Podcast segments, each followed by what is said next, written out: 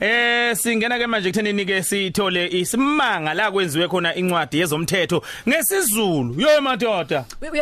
Simanga. Uyabona la esesiye khona eh njengethimba lokhozi? Mm eh siyo fundiswa siyo yebo yebo yebo siyocijwa nges- ngesizulu nam- namatema amasha namagama amasha kunencwadi ab- abayikhipha e- eqoqe eh imikhakha eyahlukahlukene namatema asetshenziswayo kuleyo mkhakha eyahlukahlukene.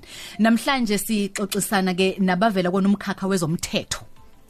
Eh kune kune bhuku la elinezincwadi engithi elina- elinamagama ahlukahlukene. Sifunda ukuthi ini death penalty? Ngesizulu debit defamation. Of zonke lezi- character. lezo zinto. Yep. othola ukuthi usuyahluleka manje ukuchaza ngenxa ukuthi awus- awu- awazi ukuthi uzothini. Kubalekile ukuthi siwazi lamagama sinazo ke ihambeli zethu. Khona ke la insizwa umfoka zondi lapha eh, ukhulekani khetha zondi eh lapha na ke oyilo lecturer eh khona lapha na ke eh, School of Law e University of KwaZulu Natal eh nokuyena kohlanganiseke e glossary of law terms ngesizulu. Kanti ke futhi ke uhamba nomlingani wakhe ke la uzakwabo eh, umnumzana ukhumbulani mngadi eh oyi language project coordinator khona lapha na ke University of uh, Language Planning and Development Office eh, khona lapha na ke e UKZN sinibingelele sinamukele emsakazweni ukhozi FM and usiyenkomo nawe eh, gaga eh, eh, eh, gagasha yebo ngisho kahle impela. Eh eh. Impela kunjalo msakazi. Sibingelele sibingelele tjatha nonongcebo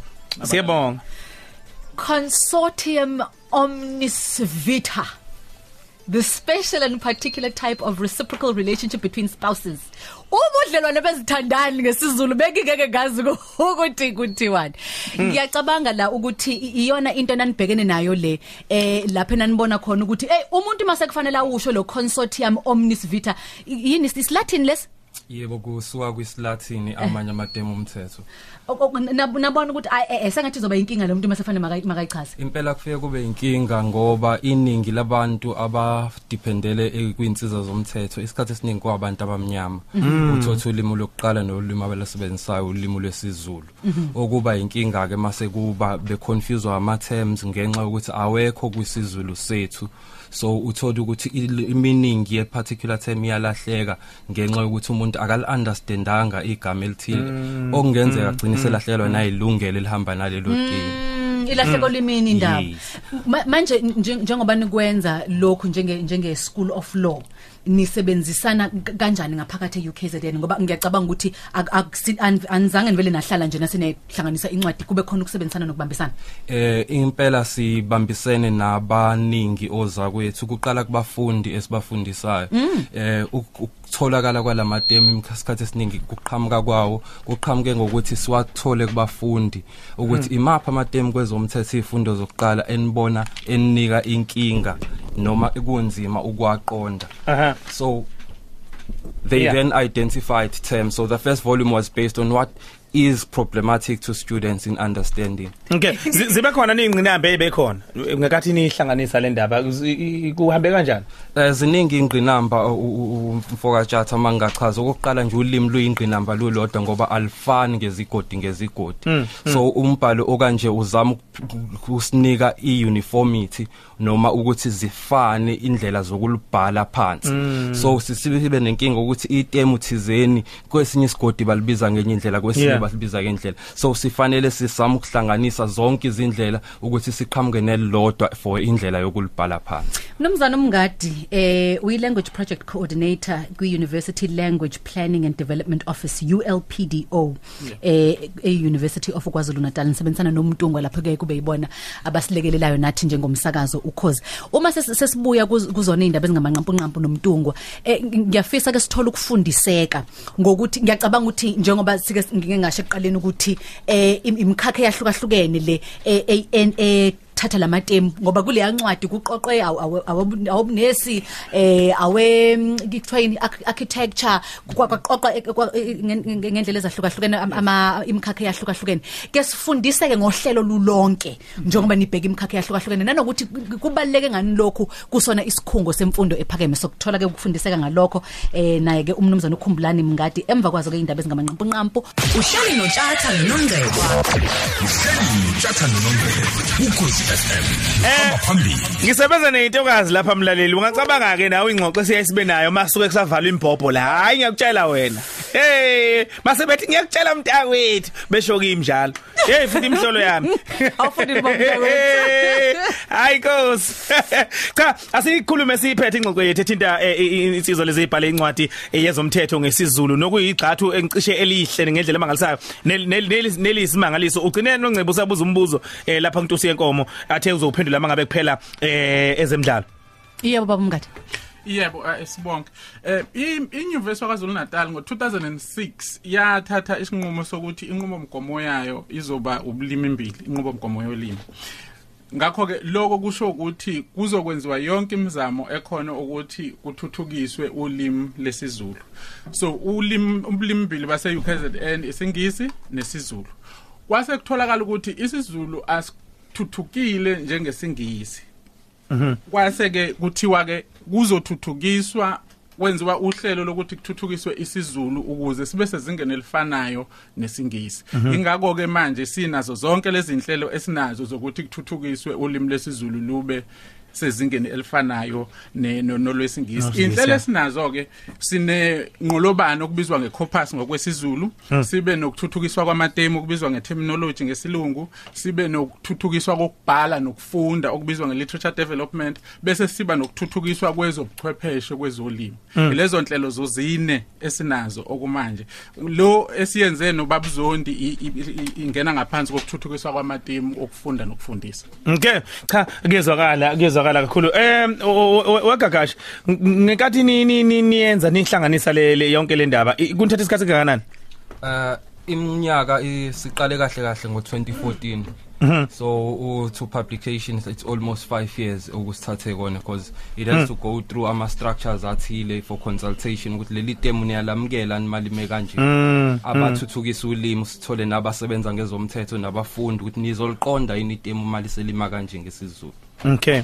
M- manje lokho u- njengomuntu ofundisayo kuyabafundisa abafundi ngoba e- e- e- okunye engicabanga ukuthi kubalekile ukuthi sikubheke ukuthi ngale kokuthi eh u- u- u- kubalekile lokhu kubona abantu abasuke beze bezocela usizo lwezomthetho. Nakweminye imkhakha kokwenziwe kuyona.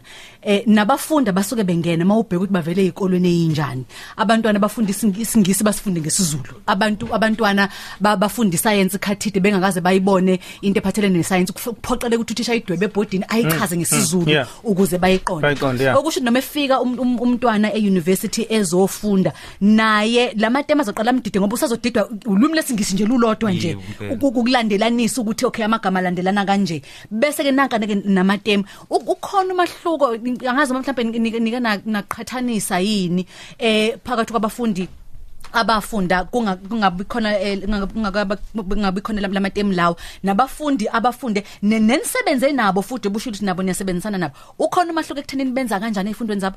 Eh besingekabi nalo cwaningo oluveza imp- um- umehluko wonke kwemiphumela yabafundi. Kepha sesike sanazi izinhlelo la sizama ukukhombisa ukuthi abafundi baqhamuka eindaweni ezingafani. Abanye ulimi lwesizulu ulimi lokuqala abanye ilimi lesingisi ulimi lwesiqala. Kodwa uthola ukuthi ulimi lesingisi mawulimi lesithathu noma lesibili uye ube nenkinga ukuqonda okusuke kushiwo. Othothi maqedwe ukufunda uthola umfundi ezobuza kuwena ngesizulu.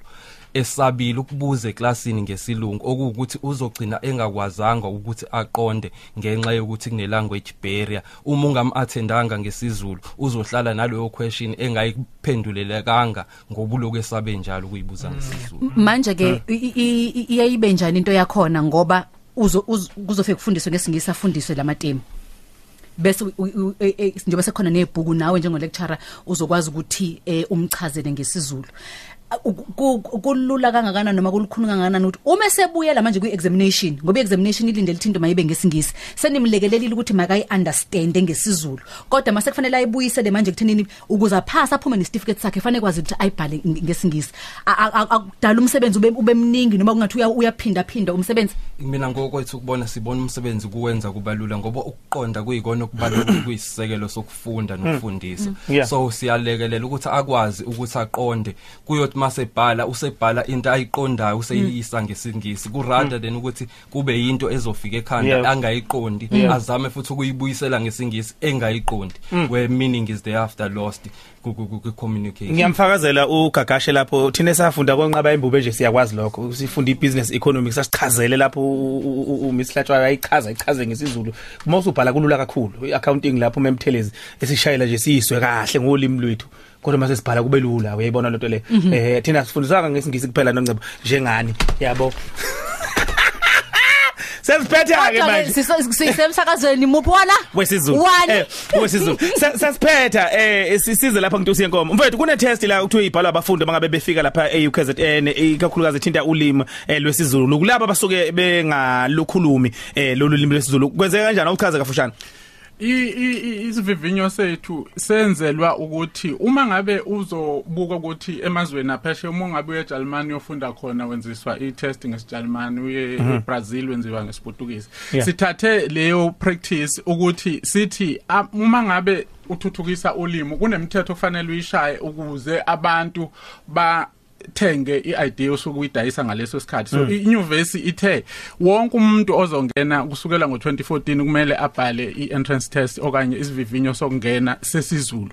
Uma ukuthi awukazi usenze isizulu esikoleni uzo bhala lesivivinyo. Bese kuba nama class okanye nama nama nama nama, programs ahlelelwe ukuthi abanganaso isizulu basifunde basibhale basiphase bese kuqhutshwa kwakhe. Okay. Hey wekhathi yabona angifundanga ilaw. Ngangizibona kahle nganza abantu zijuluka zimfoma elaw library e Howard College. Ngisaba kabile sisifundo eh nalem crimin sinebani sineleke. Sineleke. Usazodidwa yilokho nje uthisha emphambi kwakho. Nanokuthi kubiza buka kudideke bendlu sazobe angazanga noma usineleke noma usineleje noma usign league udide kube inqaba incazelo besithi there is no crime unless there is a law that criminalizes the said conduct. Akunacala kungena mthetho. Abukho ubugebengu lapho ungekho umthetho onqabela leso senzo ye ibalekile nansi into wezondi Yes, and if you see i language isiZulu is it descriptive mm. compared to igama lesi- lesilatin. So it gives you an idea item lona ukuthi ngidescribe into ekanje. Okay. Bafowethu siyabonga kakhulu eh cishe igxathe lithathile lihle. Qhubeka nomsebenzi omuhle i- intsha eh ikakhulukazi kuleli kusasa laseningizimu Afrika ngoba eh, ifundo zomthetho ezinye zezifundo ebaleke kakhulu ekuthenini izwe liqhubeke linamathele emgogodleni efanele nokubhekelela inhlala kahle eh yesintu jikelele. Siyabonga. Siyabonga kakhulu. Alright insizwa ke imbili lezi ke mfoka Mngadi eh wasemaNgadini. Kanjalo ke la nensizwa eh yako Gagashe eh unondaba.